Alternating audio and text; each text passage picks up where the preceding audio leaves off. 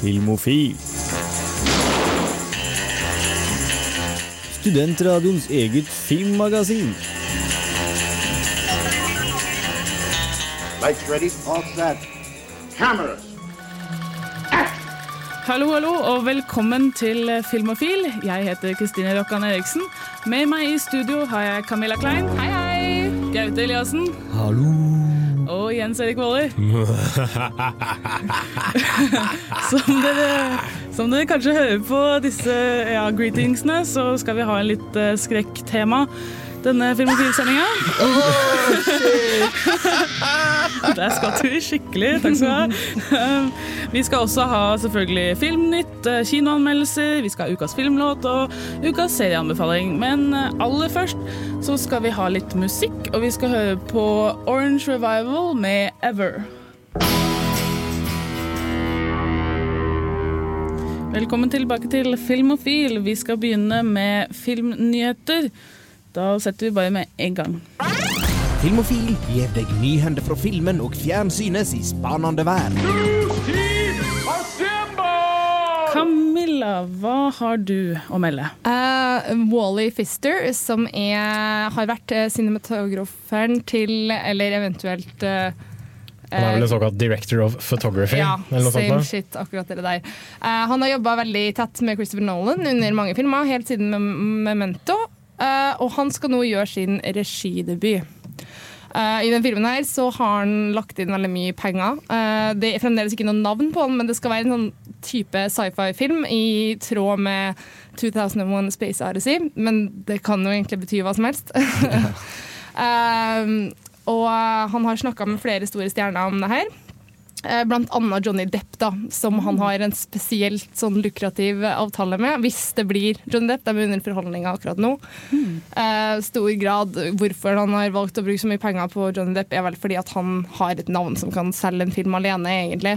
Eh, Så for en skydebut så er det selvfølgelig en veldig Siden hans navn ikke kan nødvendigvis trekke så veldig mange, Nei. så kan det være veldig greit å ha store stjerner med på laget. Ja, men Johnny Depp i en uh, sci-fi?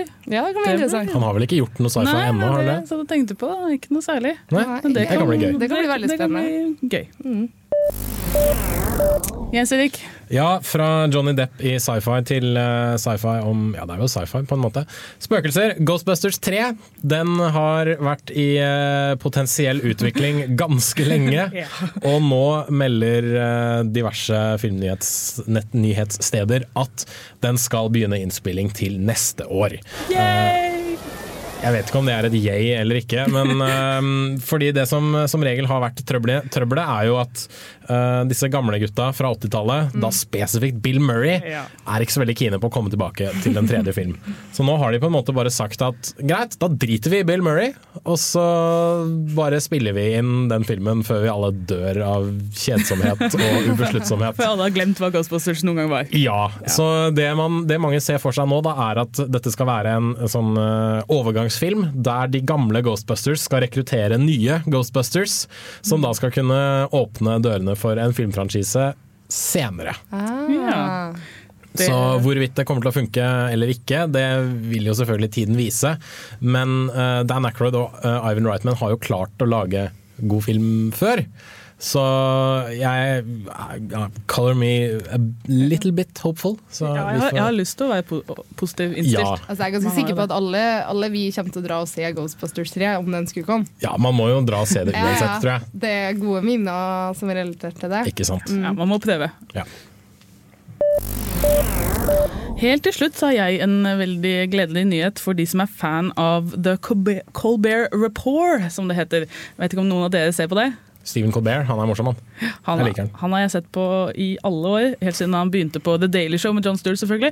Og nå skal han dukke opp i The Hobbit, spesifikt den andre filmen, The Desolation of Smog. Han skal ha en liten cameo der, og vi vet at han er veldig stor fan av The Hobbit, så han gjør vel dette her fordi han syns det er gøy. Ja, han er jo ganske kul. eh, Han er jo litt sånn nerdeikon. da. Ja. Han har jo bl.a. Captain America-skjoldet hengende inne i studioet sitt. Uh, det kan bli morsomt. Ja. Men det er ikke noen detaljer om hva han skal gjøre. Nei, altså han ble bare, Det står at han ble invitert ned til settet av Peter Jackson så, og, og hadde det gøy der. Så det, kan, det står ikke noe spesifikt om hvilken rolle han kom til å Jeg vet ikke hva slags cameo det kan være. Kanskje han er nyhetsanker i Middle Earth. Kan hende at han bare dukker opp i bakgrunnen som en alv, for alt det vi vet. Så nei, det Vi får se åssen det blir. Da er det slutt for eh, første runde av eh, filmnyheter. Vi skal ha mer etterpå, men først så skal vi ha litt musikk. Vi skal ha Kendrick Lamar med 'The Art of Peer Pressure'. Me and the homies. This is the art of peer pressure. This is the art of peer pressure. Velkommen tilbake til Filmofil her på Radio Revolt. Vi skal ha litt uh, flere filmnyheter. Camilla, du hadde noe å melde om en viss uh, ja, kjekk fyr. Ja, uh, I denne uka her så har jo James Bond Skyfall premiere. Det skal vi høre mer om senere. Men i sammenheng med det her så er det masse snakk om hvem som eventuelt kan ta over rollen etter Daniel Craig. Og da er Idris Elba vært et samtaleemne her, og han er jo en veldig kjekk og flink eh, fyr. Absolutt. Eh, og det har vært snakk om at han kanskje skal være den første svarte James Bond. Så Men, men kan James Bond være Ja. svart? Nei, det her, nei, ok, sant, for det her har vi litt sånn Her er folk litt uenige. Eh, jeg var veldig skeptisk når Daniel Craig skulle ta rollen som James Bond, fordi han var blond. Og litt for ja. Roger Moore er ikke noe mørkhåra Nei, fyr. det men, jeg men, nei, men det var før min tid. Det her var noe jeg kunne aktivt ta en avgjørelse i om hvorvidt hva jeg syns om det. Ja.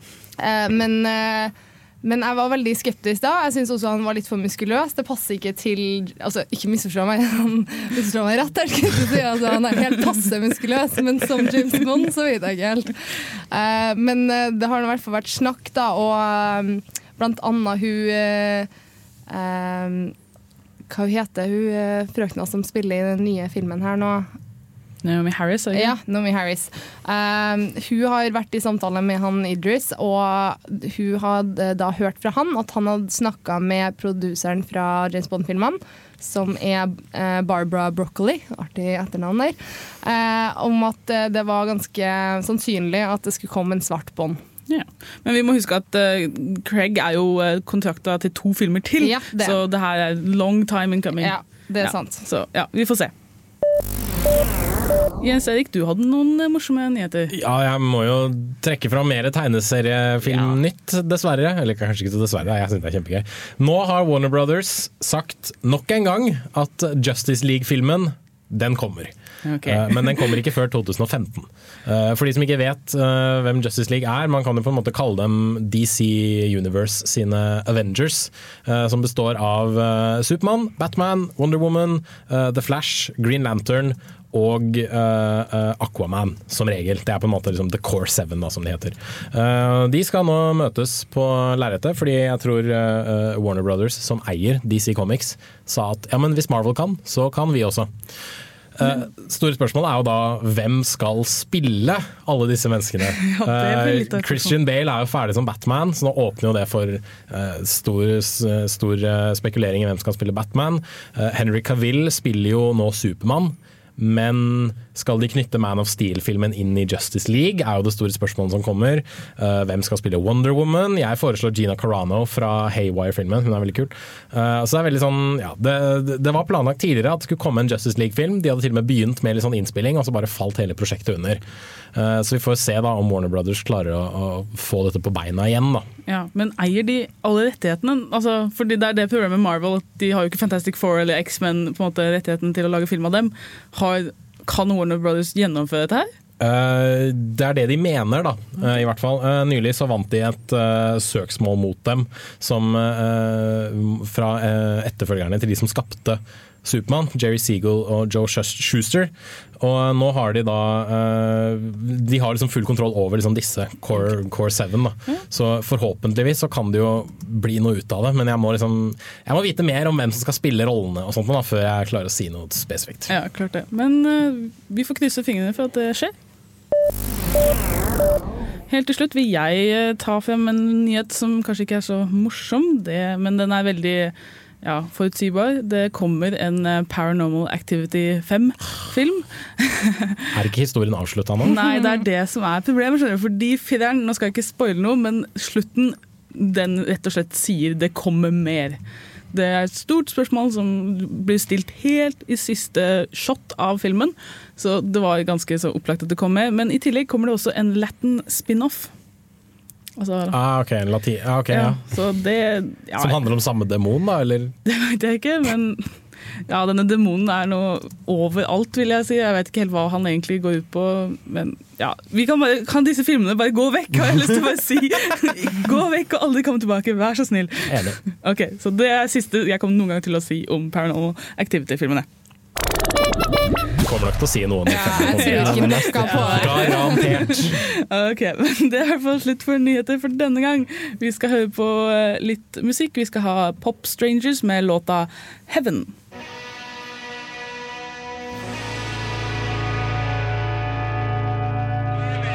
Wait a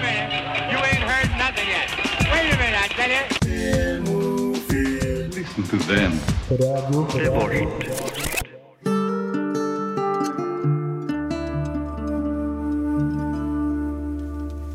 Der hørte du Lars Bygden med The Hole, og før det var det Pop Strangers med låta 'Heaven'. Og nå skal vi dra til kinoanmeldelser, og du Gaute har sett filmen 'Palme'. Ja, det handler om eh, de sydlige strøk og Nei da. Det gjør det ikke. Det, handler, det handler om Olaf Palme. Ja, det er det. altså, Olaf Palme, ikke Palmer. Yes. I Palme får vi en kronologisk framstilling av Olaf Palmes liv og hans opp- og nedturer i hans omfattende politiske karriere. How would you like to be remembered by people?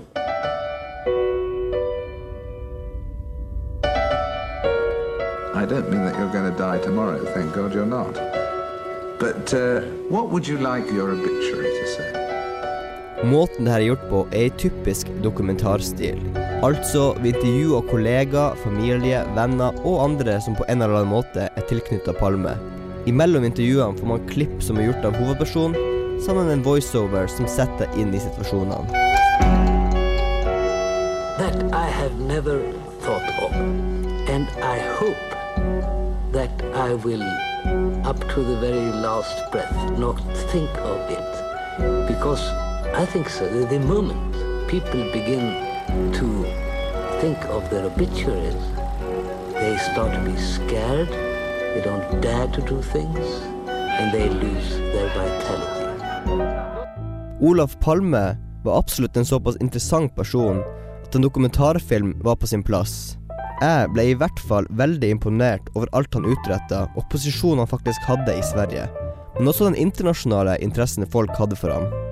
Regissøren har vært flink i utvelgelsesprosessen om hva som er relevant å ta med, for det hoppes ganske fort framover, men man føler likevel at man får et meget godt og helhetlig inntrykk av Olaf Palmes liv. Nå skal jeg se måste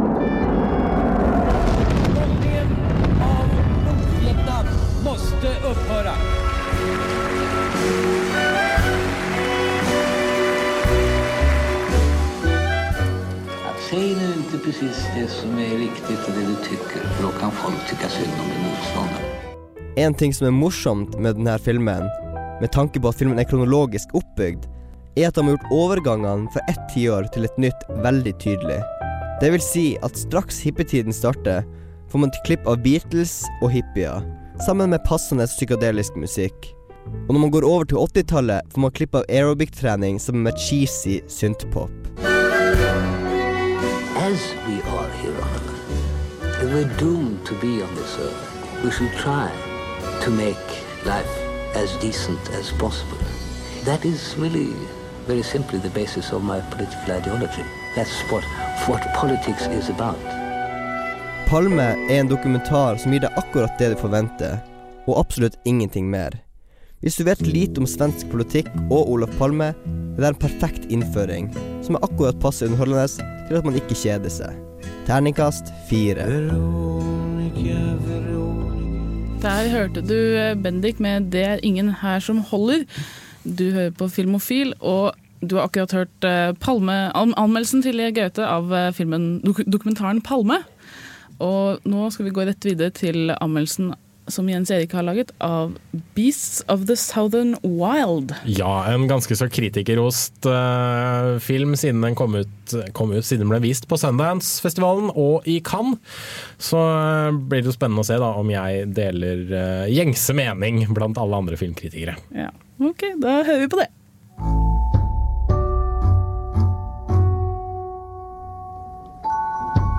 The whole universe depends on everything fitting together just right. Beasts of the Southern Wild er det mange filmanmeldere noe klisjéaktig ville kalt en såkalt indie-perle.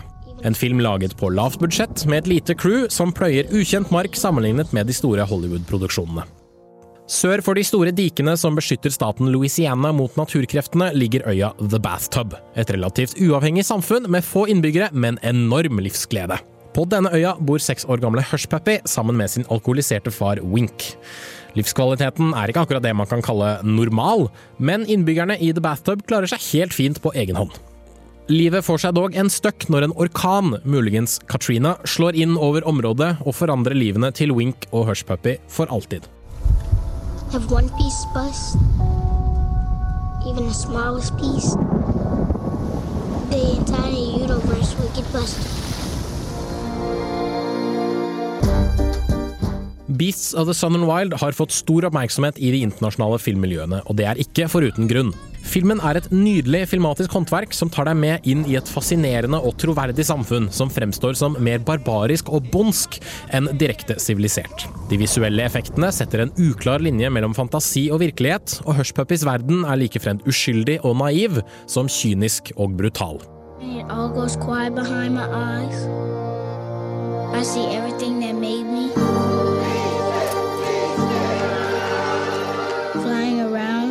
Invisible pieces. Troverdigheten løftes også et par enorme hakk takket være omfattende regiarbeid. Regissør Ben Zeitlin har tydeligvis hyret inn amatører fra de lokale områdene sør i Louisiana, men man skulle aldri tro at de ikke har drevet med skuespill tidligere. Skuespillet er så naturlig uanstrengt at all dialog virker fullstendig improvisert, og spesielt Quevenzané Wallis, som spiller Hushpuppy, gjør en bemerkelsesverdig god jobb som skuespiller. I en alder av seks år. Om hun noen gang velger å satse på en profesjonell skuespillerkarriere, kan hun nå fryktelig langt. Alt i alt er Beasts of the Southern Wild en fantastisk god og meget fantasifull film. Hadde det ikke vært for det at filmen er ganske intetsigende, fullstendig uforståelig og øh, kanskje litt kjedelig? Flying around in invisible pieces. I see that I'm a little piece of a big, big universe.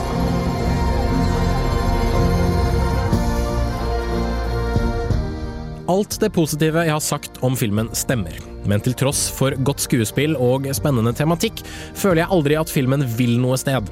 Jeg får aldri noe poeng ut av handlingen, til tross for at det virker som om den forsøker å si noe dypt og meningsfullt. Jeg har også vanskelig for å binde meg til de to hovedpersonene Hushpuppy og Wink. Winks bisarre versjon av barneoppdragelse er ikke spesielt inntagende, og Hushpuppys fantasiunivers er for uhåndgripelig og udefinert. Jeg har tidligere satt stor pris på filmer som visker ut skillet mellom fantasi og virkelighet, men da har det alltid vært brukt til noe matnyttig, og ikke bare fordi regissøren tilsynelatende følte for å ha det med i filmen.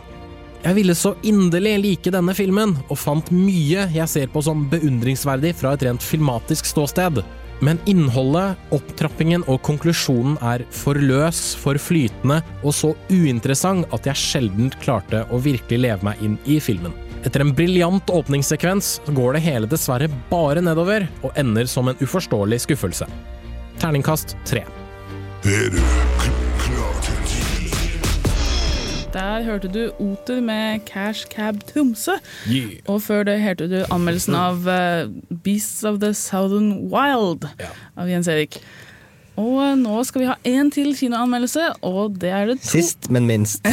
Nei, det er, oh, ja, jeg nei. Det er helt motsatt, tror jeg. Eh, Og det er to stykker som har fått lov til å se på den. Det er meg og Camilla. Yes, og det, det kan kanskje gjette hva det er. Det er nemlig Skyfall, den nyeste James Bond-filmen. Å, vi er heldige. Ja, vi er så heldige, og vi skal bare gå rett på og høre på den.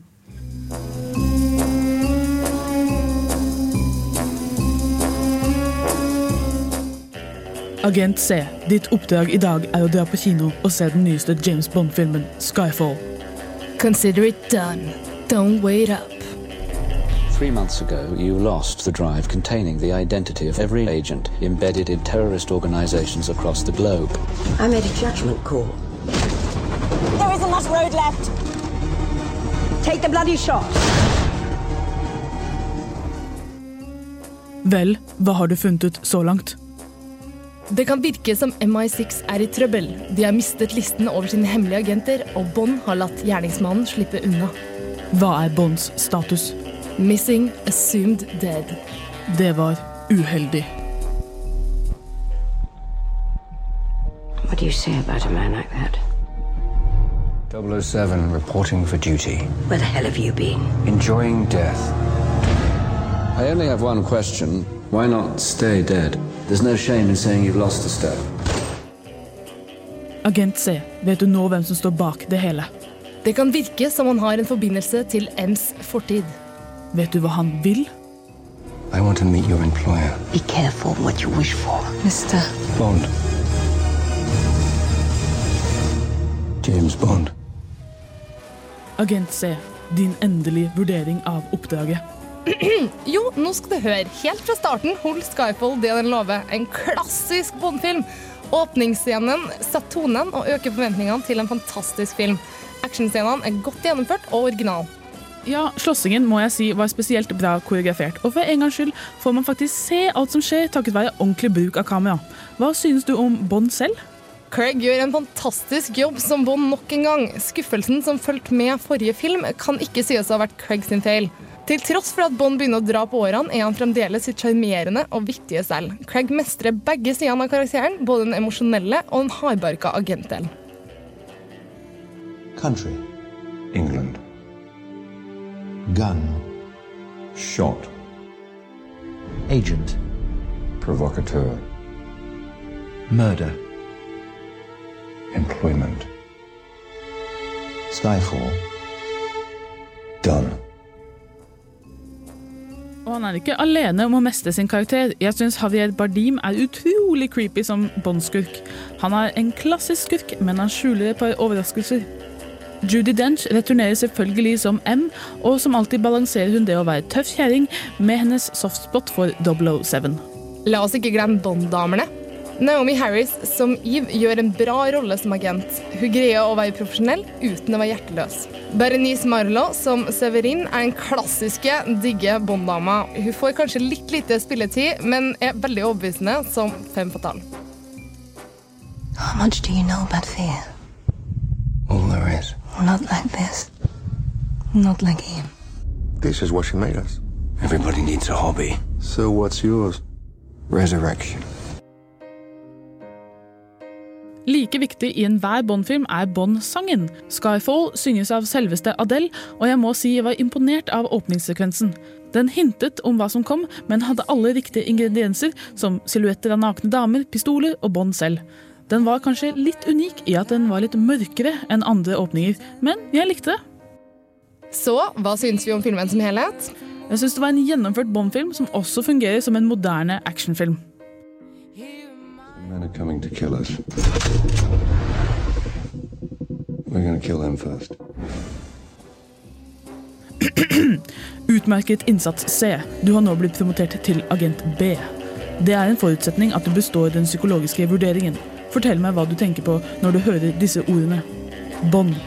Legendarisk. Daniel Craig. Troverdig. Skyfall. Awesome! Terningkast fem.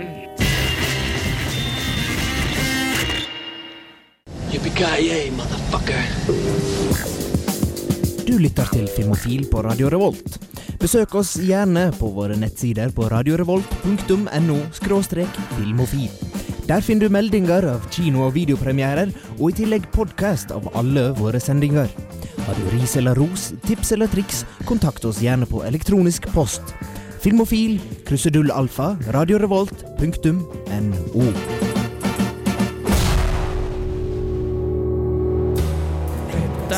Played one, Sam.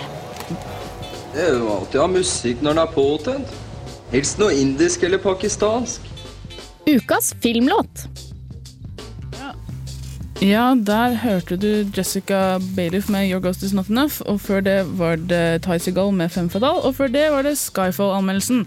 Men nå skal vi gå rett til eh, filmlåta denne uka, og det er det Camilla som står for. Yes. Um, filmlåta denne uka er i temaet at det snart er halloween, uh, fra en horrorfilm. Uh, det er fra Francis Ford Coppola sin 'Dracula'. Um, uh, fra 1992. Og den er komposert av eh, skal se om jeg får til å uttale det her riktig. Eh. Wojciech Killar. Ja, det var bra. Eh, vi prøver på det. Um, Applaus. det takk, takk. takk, takk. Syns uh, filmen er skummel? Jeg syns filmen er Jeg synes kanskje ikke den er kjempeskummel, men jeg syns den er veldig bra og underholdende. Eh, Jeg syns Gary Oldman er utrolig kul skuespiller, og liker han veldig godt som Dracula.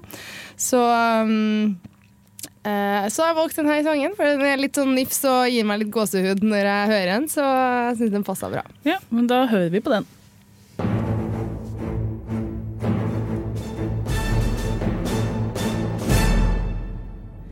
Der hørte du eh, themen fra filmen Bram Stokers 'Dracula' her på Filmofil.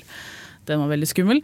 Og eh, vi skal eh, Ja, forrige helg så var det arrangert eh, filmfestival Ramaskrik i Oppdal. Eh, festival om skrekkfilmer, rett og slett. Og i denne anledning så har vi Ole Eivind fra Uillustrert vitenskap her i studio og skal snakke litt om det. Velkommen, Ole Eivind. Takk skal du ha. Ja, du hadde det gøy, eller hadde du det veldig skummelt?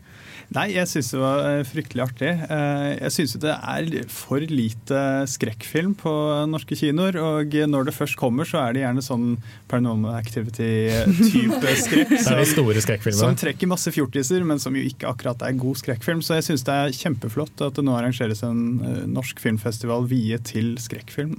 Ja, absolutt. Eh, Hva syns du gjør en god skrekkfilm? Spør det først. Oi, eh, jeg liker gjerne å se noe nytt som jeg ikke har eh, sett før, men det ser jeg for så vidt etter i alle filmer. Eh, men innen spesielt for skrekkfilm så er det kanskje at én har en eh, litt sånn skummel eh, stemning, da. Eller en creepy stemning. Eh, ja, det er vel egentlig det viktigste. Og fant du det på Ramaskrik? Ja. Ja, Det, det er som filmfestival så er det jo litt av hvert. Eh, Et eh, absolutt høydepunkt for meg var filmen eh, Maniac. En film eh, som er en remake av eh, Maniac fra 1980. En liten eh, kultfilm. Nå med Elijah Wood. Og jeg tenkte at dette her kan jo potensielt gå veldig galt. Eh, Men det som er litt fiffig, da, den er regissert av en franskmann som heter Frank Calfoun, og han har jo da valgt at hele filmen ses fra øynene til, til seriemorderen. da. Oi. Som er Elijah Wood. Så man ser ikke så veldig mange ansiktsuttrykk, og de gangene man ser de refleksjoner og eventuelle ut av kroppen-opplevelser og sånn, så spiller han veldig godt. Og eh, utrolig imponerende cinematografi, og filmer generelt funket eh, kjempegodt, syns jeg. Jeg syns det var et, et grep som funket veldig bra. Det kunne jo gått den andre retningen, men det funket bra. Og vi har jo blitt eh, vant da, til å eh, på en måte følge seriemordere med Dexter osv., men denne gangen så ble vi jo tvunget til å følge en seriemorder som ikke var sympatisk. Og, som, og da følte man seg litt sånn skitten, fordi man følte jo at det var vi som drev og skalperte folk og sånn. Hvor mye film tror du at du har fått sett i løpet av de tre dagene Ramaskrik ble arrangert? Ja, det ble tolv filmer, da. Ikke verst. Så grei, grei mengde. Var, var alle bra, eller var det noen skikkelig dårlige òg? Nei, Det er jo alltid litt opp og litt ned på filmfestivaler. Det er noe som gjør det litt eh, festlig. eh, Av eh, litt mindre vellykket var en svensk zombiefilm som het eh, Wither. Eh, Det var en eh, klok kar, antagelig Max Brook, som sa at eh, alle gode zombiefilmer er- handler om mennesker. Denne her handlet om zombier. Eh, Men som sådan, hvis man ser på det som en sånn Grindhouse B-film om zombier, så var den jo litt morsom. Ja. Men eh, kanskje ikke en god zombiefilm. da. Nei. Nei, eh, vi skal snakke litt mer om Ramaskrik etterpå, men først skal vi ha litt mer musikk. Og da skal vi ha Mumford Sons med låta 'Babel'.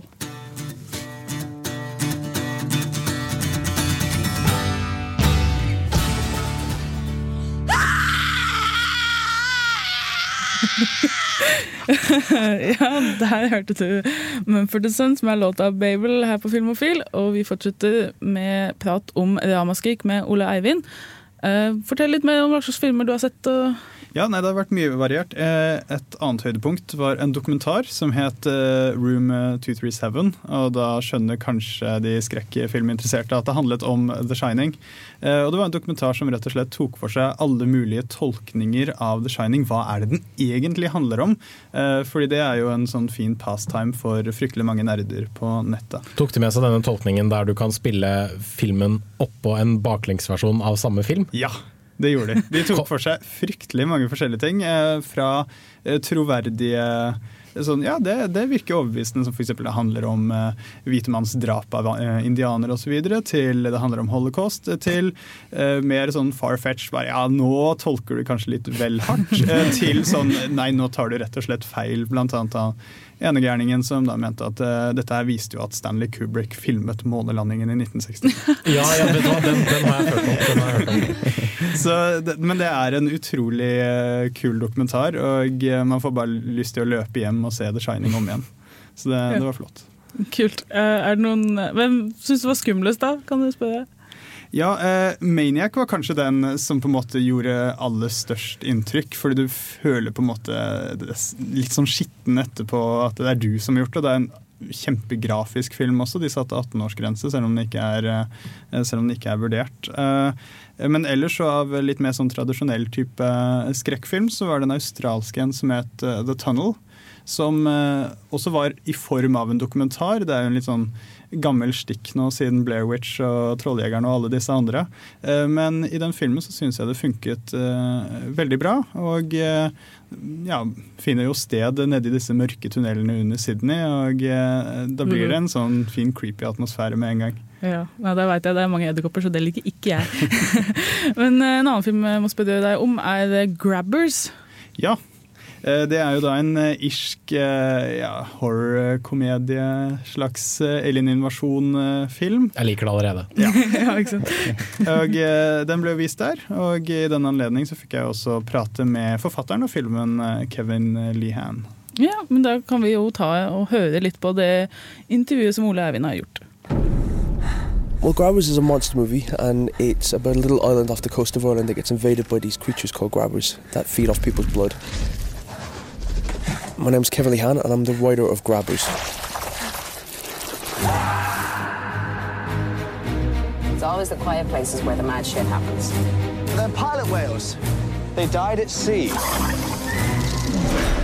And these two police officers that are investigating the disappearance of locals discover that the only person to survive an attack by one of these creatures was drunk at the time. So they have to keep everybody safe in the middle of a storm that's trapping them on the island and uh, get them as drunk as possible. You were drunk? If we taint our blood with booze, we're poisonous sweet. Mm. So, uh, what makes a good uh, movie monster? Uh, they need to be specific. They need to have something about them which can separate them from all the rest. So grabbers only come out when it's raining. Tremors, they're, they're underground. Werewolves, it's a full moon. Vampires, when the sun goes down.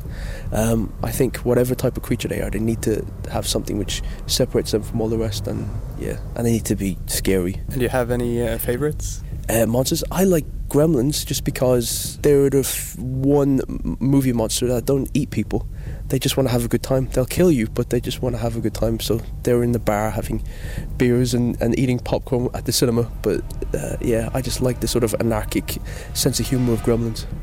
And uh, there's been a lot of uh, monster movies uh, through the ages. What's the secret to making a modern monster movie and um, still making it feel fresh? You just have to find a hook, find something which sets it apart. In Grabber's case, there's never been an Irish one. Um, and uh, yeah, I just wanted to put characters in this kind of monster movie that you you wouldn't normally see. So usually it's like hunky guys and, and girls in bikinis, and I just wanted to put it with a load of ragtag, uh, miserable looking drunks and sort of play off that. Yeah, it's it's a genre that's overexposed and there's been so many of them that it's hard to sort of separate yourself from from the rest but if you play into that and then add something new then I think that's that's what helps it to feel fresh and uh, while writing uh, Grabbers, uh, you've probably uh, done a lot of thought uh, of how to best defend against an alien attack.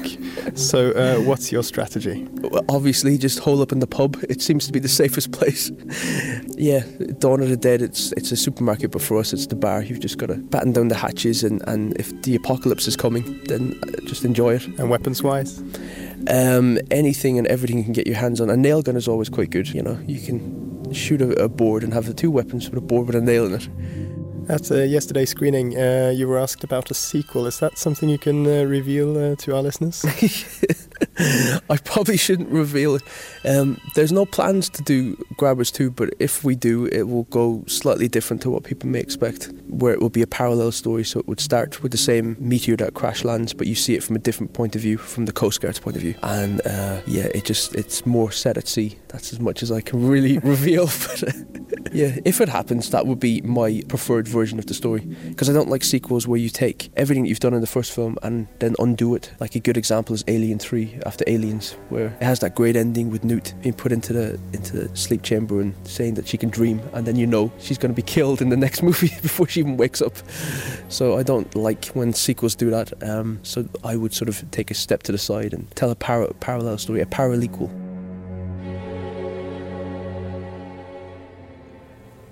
Ja, og det var eh, intervju med Kevin Lehane Lihan, unnskyld. Eh, Lihan, forfatteren av Grabbers. Og vi må bare si takk til Ole Eivind. Ja, det var fryktelig hyggelig å være her. Ja, Det var hyggelig å dra på Ramaskrik også, kanskje? Ja, det var kjempegøy. ja. Så fint. Og vi skal gå videre i sendinga. Vi skal ha Videonytt, vi skal ha, snakke masse om skrekkfilm. Men aller først så skal vi høre på litt mer musikk, og vi skal høre på Erlend Ellevesen nei, Ellefsven. Ellefsven. 'Betal meg i sølv' featuring Ananas.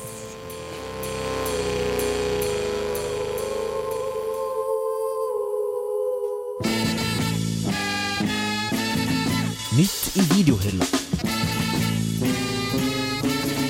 Rykende ferske digitalfilmer som du kan ha i din heim.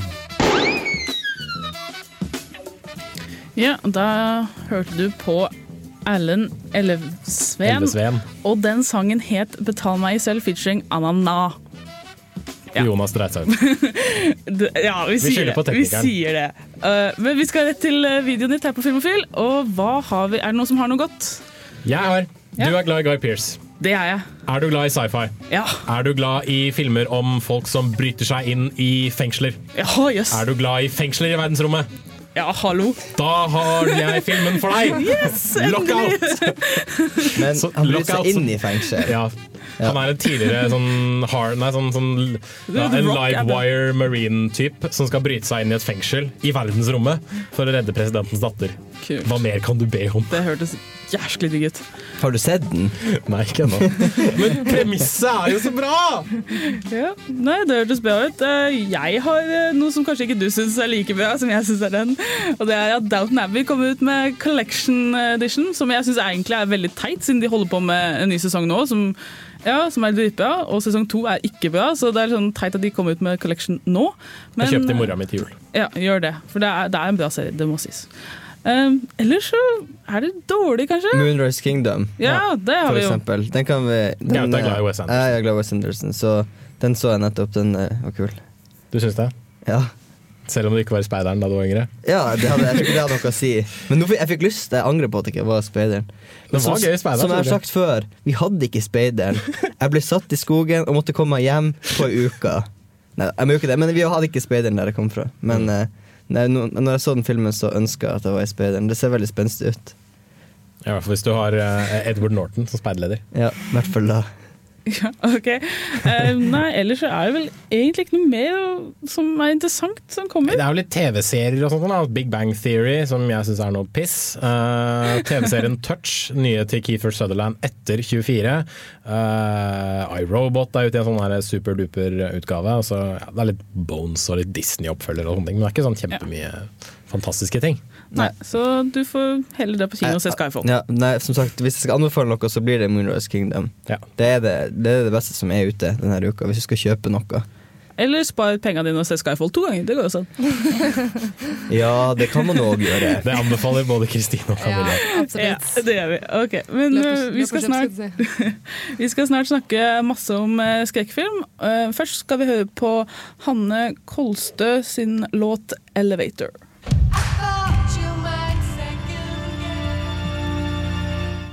Der hørte du Hanne Kolstø med låta 'Elevator' her på Filmofil.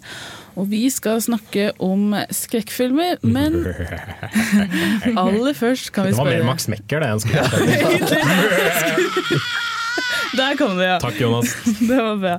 Uh, først derimot skal vi spørre Er du i en skrekkfilm? Ja, for vi på Filmofil har uh, laget en liten, uh, En liten liste. en liten liste over ting altså, sånn tegn som kan være lurt å følge med på. Så det skal vi høre på nå.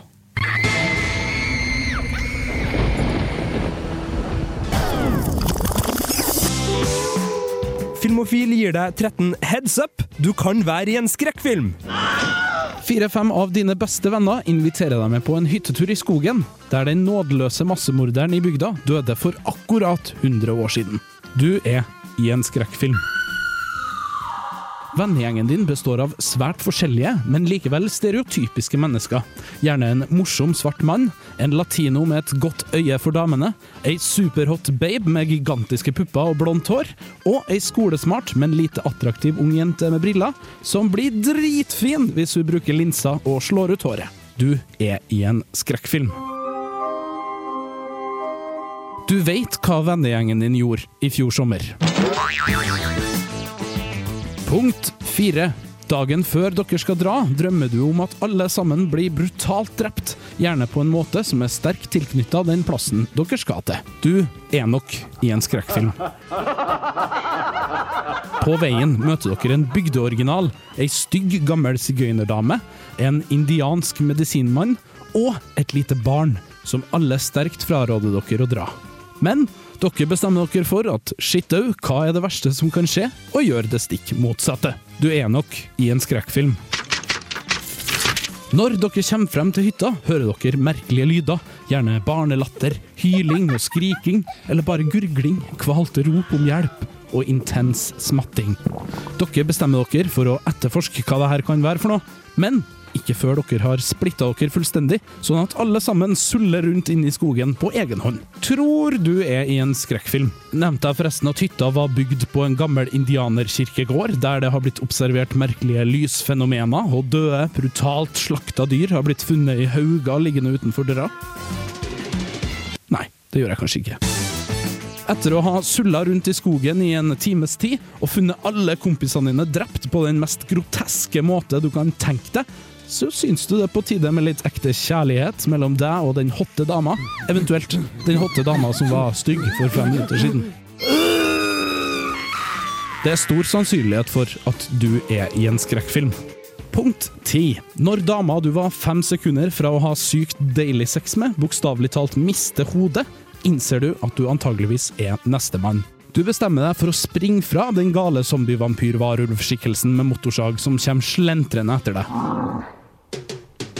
Og du velger naturlig nok ikke bilen som står kjøreklar, eller huset du har de eneste nøklene til, men heller den samme skogen som nevnte zombie-vampyr-varulvskikkelse kom ut fra. Du, min venn, er i en skrekkfilm. Punkt 11. Du bekjemper til slutt ondskapen. Mest sannsynlig ved å gjøre noe helt opplagt, som du like gjerne kunne ha gjort for ja, to timer siden, men som du rett og slett ikke kom på før i siste øyeblikk. Du er i en skrekkfilm. Du forbanner deg sjøl for å ha glemt å lade opp batteriet på bilen før du drar, og selvfølgelig glemte du også å sjekke baksetet før du satte deg inn. Epic fail. Det er stor sannsynlighet for at du er i en skrekkfilm. Punkt 13. Da gjenstår det bare å fortelle oss som ser på, hvor glad du er for at du kom deg unna. Før du lettere irritert innser at det du trodde du tok livet av i skogen, slettes ikke har tatt kvelden likevel. Du er i en skrekkfilm.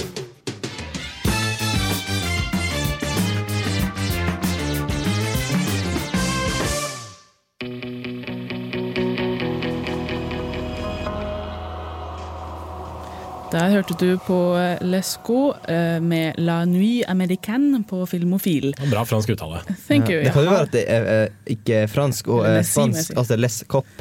Altså, Ja, men La Nui American Altså purken. Ja, purken. Les cop. Ja, det er fullt mulig, sier de. Ja, vi skal snakke om skrekkfilmer, for det er snart halloween. Eh, hva skal vi, skal vi ta hva, vårt forhold til skrekkfilm først? Camilla, jeg vet at du ikke er så glad i skrekkfilm. Jeg liker ikke å bli skremt, for å være ærlig. Jeg synes, um, når jeg først ser en, så syns jeg alltid at det er stas. Men det er veldig sjelden at jeg setter meg ned og, og ser en, fordi det blir veldig at jeg skal være i humør til det. Men kan det være at du ser filmer som er skumle i den forstand at det er en ubehagelig stemning, men at det ikke er noen som hopper opp og skriker bø. Ja, det er helt greit. Det er dere, dere spenningsmomenter når noe skjer, og det er liksom sånn Åh! ah, Sånn, den der, den der, den. Den, The jump scare? Ja, den er ikke jeg så glad i. Nei. Gaute, du er Eh, jeg ser ikke så mye skrekkfilm. Jeg er litt på Camilla Jeg liker ikke de der jumpscarene, men det, dem- de filmene styrer jeg sett unna. Men grunnen til at jeg ikke liker det så veldig godt, er fordi jeg har sett så mange dårlige skrekkfilmer. Mhm. Det, det er hovedgrunnen. Hvis jeg ser en eh, bra skrekkfilm, så, så tar jeg det imot med åpne armer. Absolutt.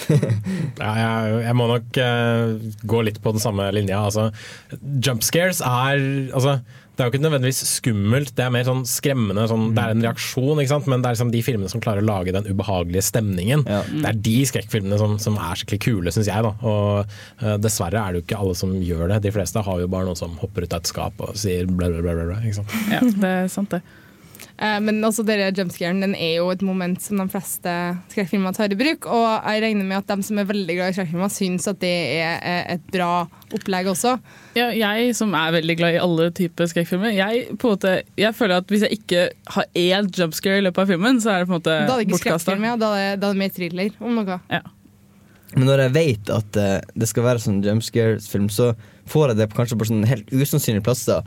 Det var noen som åpna en dør sånn helt på lys dag. Da skvatt jeg. Sånn. Åpne en dør, til bilen, sånn, og så bare sånn shit. Og da, så skvetter jeg kanskje ikke når liksom det Så jeg bare sitter og venter på at jeg skal skvette, så skvetter jeg av ingenting, liksom. Det ble sånn som meg og katta i Paranormal, Paranormal Activity 4. Det var liksom det eneste gangen jeg skvatt. Jeg liker katt. det er det at du blir skremt av i en skrekkfilm. Det er en katt som hopper foran et kamera. Ja, nei, den filmen skal vi ikke snakke om. Jeg lovte meg selv, og så gjør vi det. Nei, uff. Uh, hva er den skumleste skrekkfilmen, da?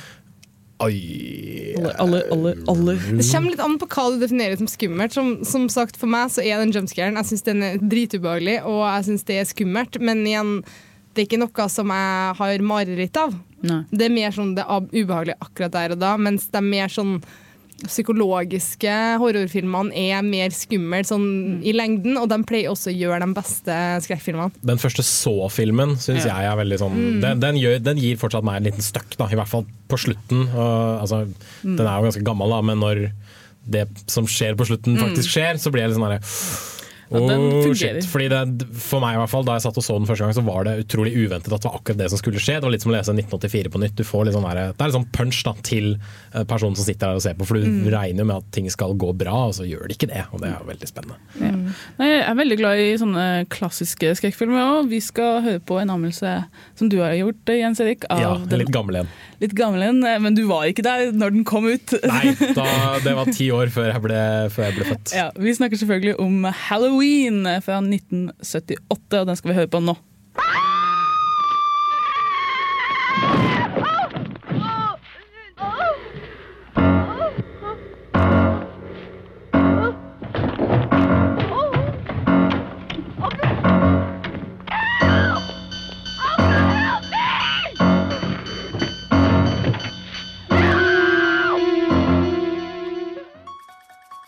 John Carpenters Halloween er prakteksempelet på at du ikke trenger stort budsjett, nyskapende spesialeffekter eller et stjernegalleri for å skape en grøsser uten sidestykke.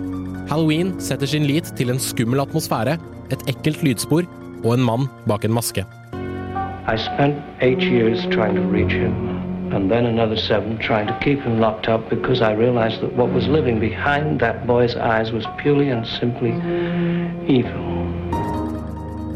31. oktober 1963 blir seks år gamle Michael Myers sendt til mentalsykehus etter å ha stukket ned sin eldre søster. 15 år senere rømmer Michael fra sanatoriet. Det er natten før halloween, og Michael er på vei hjem. Tommy, Halloween night, it's when people play tricks on each other. It's all make believe. I think Richie was just trying to scare you. I saw the boogeyman. I saw him outside. There was nobody outside. There was What did he look like? The boogeyman. Med Halloween skapte John Carpenter det som i senere tid skulle bli sett på som filmen som populariserte slasherfilmen. Michael Myers er et monster, et ustoppelig uhyre som føler verken anger, sympati, frykt eller smerte.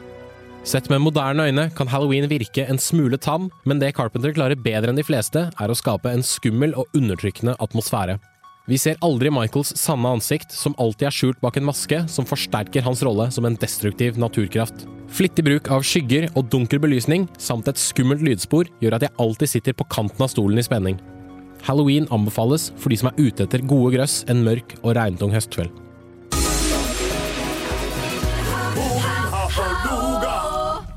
Der hørte du H-Logalandslaget med alt hun vil, hun vil ha på Filmofil. Og før det så hørte du anmeldelsen av eh, Halloween av eh, Jens Erik. Og Kanskje ikke så mye en anmeldelse, men en ja, tilbakeblikk-ting. Ja, tilbakeblikk. Ja. jeg liker halloween veldig godt. Uh, det er jo en sånn, den er jo mer realistisk i anførselstegn, uh, i og med at det handler om en virkelig, ikke virkelig person, da, men en, en fysisk person som er bare klin gæren. Det er ikke noe sånn monster som går rundt og Ja, for liksom Det er ofte det skumleste når det handler om ordentlige massemordere. Fordi de kan du på en måte treffe på i skauen liksom, hvis du er på tur. Det er For eksempel villmark. da, er på en måte Når du tenker ja, det kan skje meg. Ikke ja, at Det kan være at du møter noen som det har klikka litt grann for. Det er litt sånn eh, Texas Change of Massacre, for det er jo basert på virkelige hendelser, og det her har skjedd, og det er dritfreaky, fordi det er litt sånn Det er selvfølgelig gjort litt til, da, altså liksom eh, elementer som er filmatisk, men, eh, men allikevel, det er basert på virkelige hendelser, og da drittjævlig. Mm. Ja, jeg, jeg er veldig glad i sånne type hvor det er Altså sånn veldig klisjé da, skrekkfilmer hvor det er en annen gruppe mennesker som på en måte havner på en annen hytte eller Fredag den 13. Ja, for eksempel. Jeg, selv om de blir remaka og lagd 100 oppfølgere, så ser jeg på dem og på en måte, fordi jeg liker å kunne gjette hva som skjer. Jeg liker å si 'han dauer', 'han ofrer seg', 'hun dauer sånn', og så jeg, Og jeg greier det hver gang! Det er så gøy! Det er som å spille bingo, så jeg vinner hver eneste gang. Det er kjempegøy. Men eh, ja, vi skal jo snakke om skumle skrekkfilmer. Hvilken, kom igjen, nå må vi nevne ordentlige filmer. Hvilke blir vi skikkelig redda? Jeg har jo allerede nevnt så Halloween. da. Eh, Villmark, som du sa, den syns jeg faktisk Den synes jeg fortsatt er ganske skummel. Um, nå, nå må jeg liksom grave litt. Grann. Eh, Black Swan, nå vet jeg jeg tok liksom yeah. poenget til Camilla her, beklager. Men uh, det syns jeg også er en Det er kanskje ikke et Det er jo en skrekkfilm, vil jeg påstå. For Den den er er, jo ekkel og litt skummel. Det, det er fordi den, som sagt, det er ikke, den er ikke sånn overflatefilm som mange Sånn som sant, Den går inn i hodet ditt. Mm. Og det er derfor Jeg vil, jeg vil ikke se den som en skrekkfilm, men eh, jeg, jeg merker at vi har veldig forskjellige definisjoner her, og forskjellige ting vi føler som skrekk og ubehag. Ja. Så Mm. eh, ja, det kunne blitt en evig lang diskusjon. Vi måtte sette en sending til det. Ja. Nei, jeg eh, kan godt si sånn en sånn tradisjonell skrekkfilm. Jeg liker den The Exorcism of eh, Emily Rose. Synes jeg, jeg fremdeles Når hun våkner opp og ligger der på bakken og helt forvridd av hele kroppen sin, det er creepy. altså Det er sånne, sånne stille øyeblikk hvor, liksom, hvor ting stirrer på deg, eller mennesker, eller hva enn det er. Øyer generelt er creepy på eller hva? Ja, jeg er enig. Enig, Øya ja. er creepy. Vi kan jo også gå lenger tilbake i tid. Jeg vet at Camilla nevnte Hitchcock eh, under låta her, blant annet. Mm. For- Psycho er jo eh, et av de klassiske skrekkfilmene. Den- er dritskummel. Eh, Vi, vi var vel ganske enige om at dusjforheng er tabu etter, etter å ha sett den. Vi foretrekker kabinett. Ja. Er det noen flere vi skal nevne? Sånn, uh... Nå har vi ikke nevnt The Shining. Nei, det må vi jo. Den eh, er jo selvfølgelig en, den, den ranke høyeste av alle, føler jeg i hvert fall. Jeg syns den er drit, dritcreepy, og jeg syns Jack Nicholson er det, ah, Trynet hans det er helt fantastisk. Den så jeg alene første gang jeg så den, og det var en sprø kveld, altså. Faen! Jeg var ganske ung også. Jeg bare sånn, jeg, hva skal kjenne Shining? Jeg hørte den ganske skummel, men så skummel kan det ikke være. Ja, men det, er sånn, det blir enda skumlere når du ser den midt på vinteren, når det er bekmørkt alene i et hus. Mhm. Eh, Det, jeg synes, men det verste faktisk var den Var med hun der han eh, sexy dama som ikke blir fullt så sexy eh, lenger. Når Ja, hun kommer. Det, det- syns jeg faktisk var det Uh. ekleste å se på i løpet av hele filmen. Nei, uff. Jeg husker er- etter Jeg hadde en periode hvor jeg så ganske mye skrekkfilm, og um, god stund siden nå. Eh, og da fikk jeg etter den gangen så har jeg bestemt meg veldig for hva slags hus jeg liker, eller leiligheter, hvor jeg vil bo. Jeg kunne ikke bodd i en plass, eh, si at i et stort hus, med små rom. Mange små rom. nei, For der kan det være noe som gjemmer seg. altså, så, jo flere dører, jo flere muligheter, tenker jeg. Altså, så liksom store overflater og store rom, det er helt klart å foretrekke for Ja, det da blir jo ikke et hotell optimalt, da. Nei, altså, det går for så vidt greit, for da er det ett rom. Jeg har ikke så mange dører der. Det er snakk om dere, dere mange små stuer, eksempel. Og liksom flere innganger til hvert rom og sånn. Åh, det er dritfreaky. Ja, men uh, nå Jeg, jeg vil bare nevne en til, for jeg kom på en som jeg faktisk syns er skummel i min eldre tid. For jeg blir ikke så fort skremt. Har dere sett den spanske skrekkfilmen som heter Orphanage? Ja, det har jeg sett. Den, den er veldig creepy. Er, jo, jeg var ikke redd den, men den var creepy. Nei, men det var creepy. Ja. Ja. Men vi har mange forslag nå, så folk Ja, kan ha sant. noe å gosse seg med til halloween. Eh, bare å lage maraton og sette i gang. Og så ikke Eh, sove noe etterpå. Nei, vi skal masse mer på Filmofil. Vi skal anbefale serier, blant annet. Også, men først skal vi ha litt musikk, og da skal vi høre på Calexico med Algiers.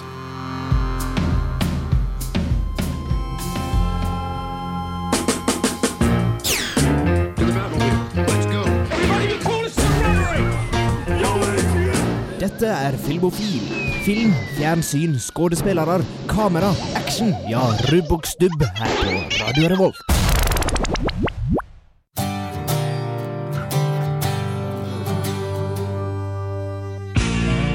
Hei! Hei! Det er ikke 90s sitcom-flashback. Ta og Skru på noe annet. Ja, bedre, men prøv igjen. Der, ja! Filmofil presenterer ukas serie. Ja, vi skal, vi skal gå fra skrekkfilmer til noe som ikke er så skummelt, men eller er det det? Nei, det er vel kanskje ikke så kjempe, kjempeskummelt. Uh, vi skal til HBO, uh, som vi er veldig, veldig glad i. Ikke sant? Ja. uh, og vi skal eh, tilbake i tid til den gode, gamle, ville Vesten. Eh, men ikke Vesten som du husker den, kanskje. Eh, vi skal til TV-serien Deadwood, skapt av eh, en mann med navn David Milch, som dro til HBO og sa det at hei dere, jeg vil lage en serie som handler om hvordan det romerske imperiet kom seg på beina og liksom ble bygget opp. Og så sa HBO at ja, men vi holder jo på med denne TV-serien Rome, og vi har liksom veldig mye penger bak den, da. Vi har litt mer lyst på en westernserie. Og så sier David Milch ja, men bare ta tematikken og sett det inn i en western eh, sånn gruveby, så får du nøyaktig det samme. Vips er det Og vips. Ja. Deadwood. Ja. Og hva er det som gjør Deadwood eh, bra, eller unik, eller western, men ikke western, på en måte? Ja, altså Det handler jo om en by som er eh, etablert under gullrushet i USA. eh, ved, liksom, eh, og det er et, Byen Deadwood da, er et sted hvor folk kommer for å søke lykke. Hell of a place to seek your fortune, som de kaller det. De har ingen politi eller noen lover, eller noe sånt for de er ikke en del av USA ennå. Dette blir en del av tingene som kommer inn etter hvert. da, At det er en by som blir større og større, for det flytter flere og flere folk til. De bygger opp eh, hus og diverse businesser. Og så kommer da USA og sier at hei, denne byen vil vi ha som en del av landet vårt. Hvilken stat skal få lov til å styre Deadwood? Så blir det sånn her politikk og tematikk og sånt. Da. Men det mest fantastiske med Deadwood er språket. Som er som en blanding av eh, Shakespeare og sjømannsbanning. Men må huske at Shakespeare banna mye sjøl, altså. Det gjorde han, eh, men det er et sånt språk som er De snakker veldig sånn blomstrende og litt, til tider litt uforståelig, så du må nesten bare la det liksom vaske over deg. Eh, og så banner de ca. én gang i sekundet eller noe sånt. Da. Så jeg har tatt med meg et aldri lite klipp bare sånn for å illustrere hvor mye det bannes i Deadwood. Chinks fuck, fucking snatch, fucking Walcott. Fucking fucking day. Fucking business. Shut the fuck up, Woo. Fucking dominoes are the light. Fucking business. Chink fuck up. Fucking please. Get out of my fucking way. Diarrhea. Fucking truth. Chink the chink chink fucking whores fucking you incompetent fucks. Shut the fucking door. Fiddle fucking around. Fucking, fucking mittens. Fucking cocksuckers. Fucking woman. Fucking dubious combat. No, no, no, no, no. Don't be fucking funny with me, Davey. Fuck up. Fucking, fucking, fucking line. Fucking bastard. Fuck no. Fucking, fucking indignitous. Fucking asshole. Celestial. Fucking chink. Fucking, fucking chink. The whores. Fucking, fucking nothing. Not a fucking thing. Fucking, fucking, fucking hobby. Fucking chink. Chink's cocksucker. Cocksucker. That's a fucking mining term. Now that's a fucking expression I've heard. Fucking, fucking blood. Fucking. Loony fucking chew. Ja, det var eh, ja, Så, sånn, sånn er det i Deadwood. Ja, men ja, Deadwood er herlig. Altså. Jeg har bare sett tre episoder, men jeg skal se alt som fins av Deadwood, for det er en jævlig bra serie. Det er absolutt en herlig Og jeg tror ikke det fins en eneste dårlig skuespiller i denne serien. Eh, John Hawks, du har Timothy Oliphant, du har eh, godeste Ian McShane som Al Swearingen, som var denne litt innrøyka eh, fyren du hørte som bannet mest i dette klippet. Powers Booth dukker opp. Steven Tobolowski dukker opp i en liten birolle. og, der, og han godeste Keith Carradine, tror jeg han heter, dukker opp som selveste Wild Bill Hickok. Eh, altså fam, famous gunman-dude. Uh, det er ikke en eneste dårlig skuespillprestasjon. Alle har liksom sitt A-game med seg. Og det er bare en sånn Det er så utrolig mye Det virker så genuint alt sammen. For det er så utrolig mye skitt og møkk og drit overalt. Og sinne og hat og politikk og stridigheter og bannskap og horer og whisky, og det er liksom ikke måte på, da.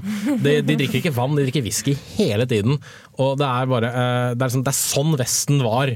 Får jeg følelse av eh, av den serien, og ikke liksom sånn som John Wayne viste det i John Wayne-filmer. Så Deadwood, eh, fantastisk kul serie. Ja, så det Ut på anbefaler DVD. Ja. Alle tre sesonger. Så alle tre sesonger på DVD, kjøp dem nå! Ja. okay. Men vi skal gå videre med litt, litt musikk til. Vi skal høre Sci-High The Prince med låta James Harden. Yeah. Ja, der hørte du si «Hi, The Prince eh, med låta James Harden. Og nå begynner Filmofil og må snart takke for seg. Vi skal ta en liten oppsummering. Vi har anmeldt noen kinofilmer. Eh, Da var det først Palme. Gaute ga den en En eh, firer. En, en OK firer. Ok, en OK-firer. Og så har vi uh, Jens Erik har sett uh, Beasts of the Southern Wild, som eh, alle elsker, bortsett fra meg. Jeg ga den en terningkast tre, uh, for jeg klarte ikke helt å knytte meg til, til filmen, dessverre. Det er lov. Men ja, kanskje du liker den. Ja, vi veit ikke. Men meg og Camilla fikk lov til å se selveste Skyfall, og vi var Mhm. ganske så glad i den. Ja, helt klart. Det er en sterk, sterk femmer. Det, Den fikk jeg også. Så det, Ja, begge to er helt enige der. Da vet jeg hva jeg skal gjøre til helgen. Ja, uten tvil. Og vi hadde Ole og Eivind på besøk, og så på, som hadde vært på Damaskrik, så masse kule skrekkfilmer, og vi har snakka om masse skrekkfilmer. Så nå er det ingen unnskyldning til å ikke ha det gøy på halloween. Stemmer det. Nei, men uh, da kan du eh, takke Da må vi takke for oss. Du kan eh, gå inn på radiovolt.no for å laste ned podkaster og streame. Du må like oss på Facebook. Radiovolt uh, Facebook.com slash filmofil. Ja, thank you. Eh, vi må ikke takke tekniker Jonas Strømsodd, fordi han er slem og eh, lurer eh, ferske programledere. Så det skal vi bare ikke gjøre. Eh, men jeg har vært eh, Kristine Rokkan Eriksen. Med meg i studio har jeg hatt eh, Camilla Klein.